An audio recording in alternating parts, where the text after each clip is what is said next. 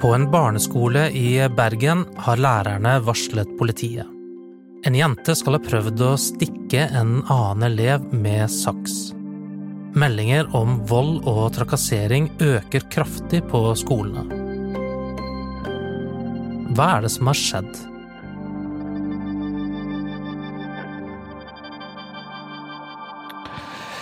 Jeg Altså, det gjør jo inntrykk på en når en hører om små barn som farter rundt og truer lærere og medelever med kniv. Elever som sparker eh, folk når de ligger nede, som skriker og river seg løs, kaster ting på læreren. Og, og det, det ene aspektet er jo på en måte lærerens arbeidssituasjon, men det andre aspektet med det som jeg oppfatter at kanskje er det lærerne er mest bekymret, er jo den utryggheten det skaper i klasserommet for de andre barna. Dette er Bente Myrtveit.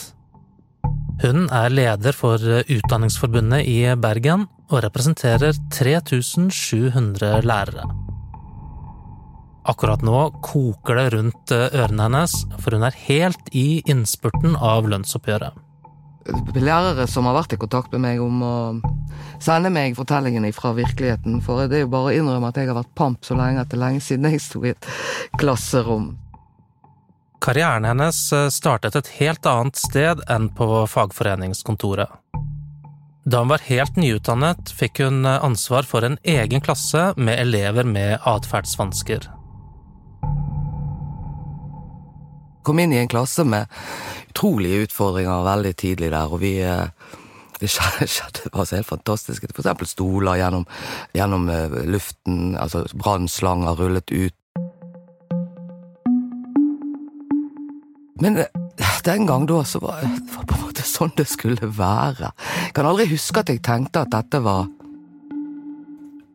noe jeg skulle rapportere om, da, bortsett fra at jeg selvfølgelig skulle gi beskjed om at i dag hadde vært litt vilt og sånn. Men for, for meg var det nesten en del av eh, attraksjonen, da, å se om man kunne på en måte hjelpe til. Jeg spør Bente hva som gjorde at hun ikke tok skrekken da hun kom inn i den klassen. Jeg tror fordi at jeg helt klart opplevde at elevene likte meg fordi om, fordi om de var vanskelige. Opplevde på en måte at jeg kunne få de til å endre atferd i noen grad Det, jeg likte på en måte tempoet og aktiviteten, for det var jo veldig kjekke ungdommer som bare ikke syntes det var så gøy å sitte stille, da, på en måte. Sånn. Og det, man skal jo ikke se bort ifra det at det kravet, altså kravet om stillesitting og teori er jo betydelig større i skolen enn det bare var på tampen av 90-tallet, når jeg startet som lærer. Omtrent samtidig med at eh, jeg sitter og snakker med Bente, så skjer det noe på en barneskole et annet sted i byen. En jente har fått tak i en saks og skal ha prøvd å stikke en annen elev. Lærerne får henne bort fra de andre barna, men de ser seg nødt til å ringe politiet for å få kontroll på situasjonen.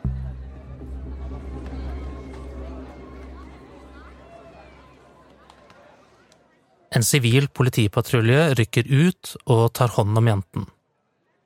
Etterpå sier rektor på skolen til meg at det var en farlig situasjon for eleven som ble angrepet, men at det ser ut som at barna takler det bra. De får ekstra oppfølging, sier rektor.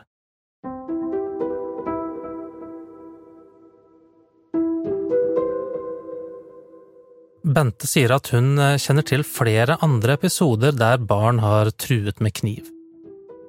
Hun forteller om eh, to elever som hadde store atferdsproblemer helt fra første klasse. Ekstremt utagerende både i forhold til medelever og i forhold til de voksne i skolen. De eh, kunne gjerne, hvis man var på kjøkkenet, så var gjerne den instinktive reaksjonen å løpe og hente kniver og jakte rundt med de. Og, og lærerne blir da fortvilet. De, skolen setter inn ekstra ressurser som man egentlig ikke har penger til i skolen. Og så er det da å gå i den dialogen hva skal vi gjøre med dette. Den saken endte med at, at disse to ble skilt, og den ene begynte på en annen skole, for de var lettere å håndtere enkeltvis.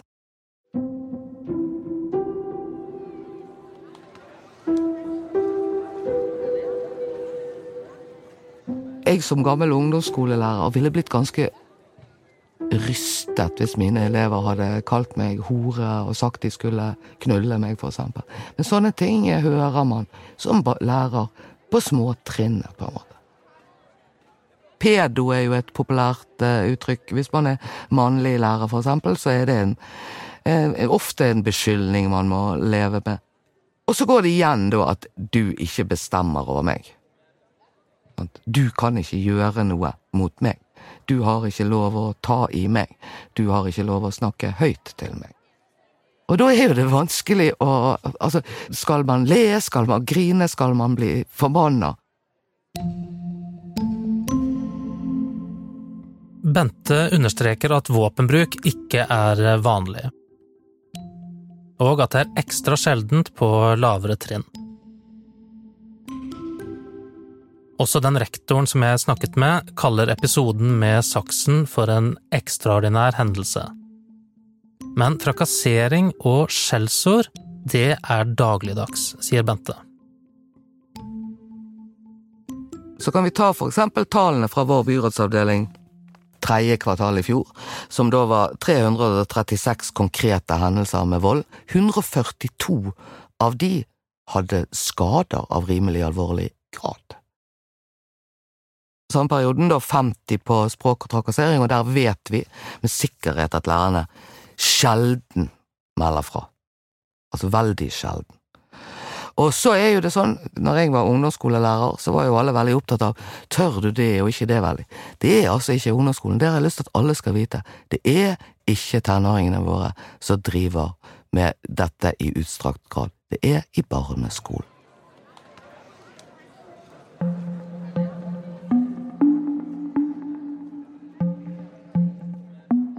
Tall fra Bergen kommune viser at eh, det ble rapportert 2600 tilfeller av vold, trusler og trakassering i skolene i fjor. Før det lå tallet på 600-700 årlig. For eksempel en elev som eh, satt i undervisningssituasjonen. Eh, de skulle jobbe på datamaskinen sin, for det skal jo de fleste barn, dette var på mellomtrinnet, der han valgte å spille hvor læreren ved gjentatte anledninger henvender seg. Du må slå av spillet, du må ta opp det vi skal jobbe med. Eh, hvorpå eleven nekter, med begrunnelsen 'når du din faenshore har ikke lov', osv., osv. Og det hele eskalerer i den forstand at eleven da kaster datamaskinen på en av sine medelever og smeller til læreren i ansiktet med flat hånd. Det er ikke fysisk farlig for deg, men det er klart at psykisk gjør det noe med deg når du på en måte på den måten taper kontroll. Kan det være at uh, lærerne er uh, blitt flinkere til å melde fra om de mest alvorlige episodene, og at det kan forklare mye av den oppgangen? Ja, det har nok med Altså, jeg tror nok at det har vært en underrapportering der av ganske grov art lenge, og at når vi nå ser tallene, så handler det om at flere faktisk sier fra når disse tingene skjer. Og veldig mange lærere vil jo, altså, vil jo heller ikke rapportere det fordi at man tenker det stakkars barnet, det er forklaringsmodeller, barna har ikke det så godt. Man ønsker ikke å si at det er barnets skyld. Og det er det kanskje ikke, men det er iallfall ikke lærerens skyld, for å si det sånn. Flere skoler har jobbet systematisk for å forebygge vold og trusler. Blant annet har lærere blitt kurset i å håndtere aggressive elever. Noe av det Bente er mest opptatt av å få frem, er at eh, utagering ikke handler om eh, noen bestemte skoler, eller minoritetselever, eller klassebakgrunn.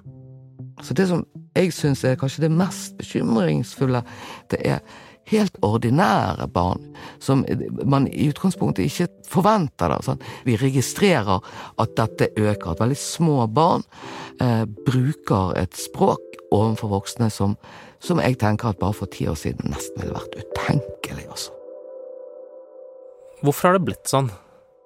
Det trenger vi god forskning på. Som sagt, vi kan jo spekulere. Vi kan spekulere i seksårsreform, vi kan eh, spekulere i tyngre teoretiske fag, vi kan spekulere i flere skoletimer, mindre lek, tidlig skolestart. Det er mange, eh, mange på en måte delforklaringer, men det er klart, de er foreløpig ikke evidensbasert. Altså, vi har foreløpig ikke forsket godt nok på denne økningen. Men jeg tror nok at mye av det handler om uh, rimelig lik jeg håper å si lik skoletid og lik fritid. At det er, det er lite fysisk aktivitet.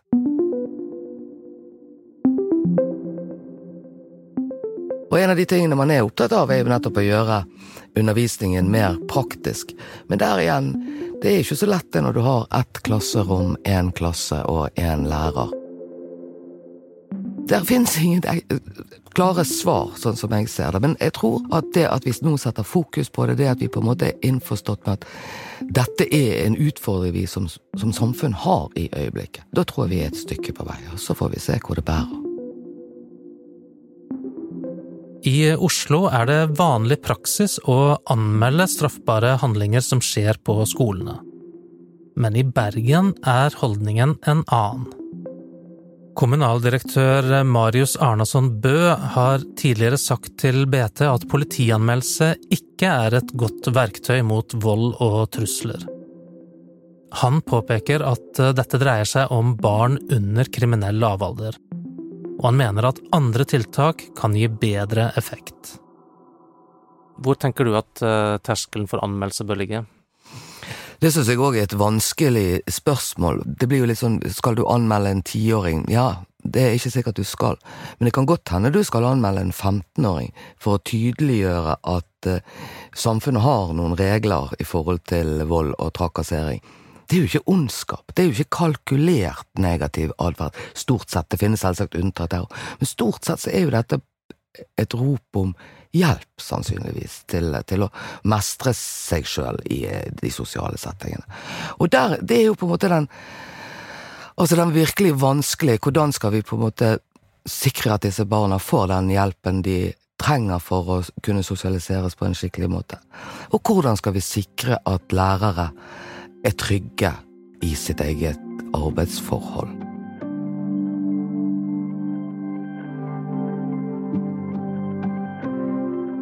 Denne episoden av eh, Hva skjedde? er laget av Anna Offstad, Henrik Svanvik og meg, Rune Christoffersen.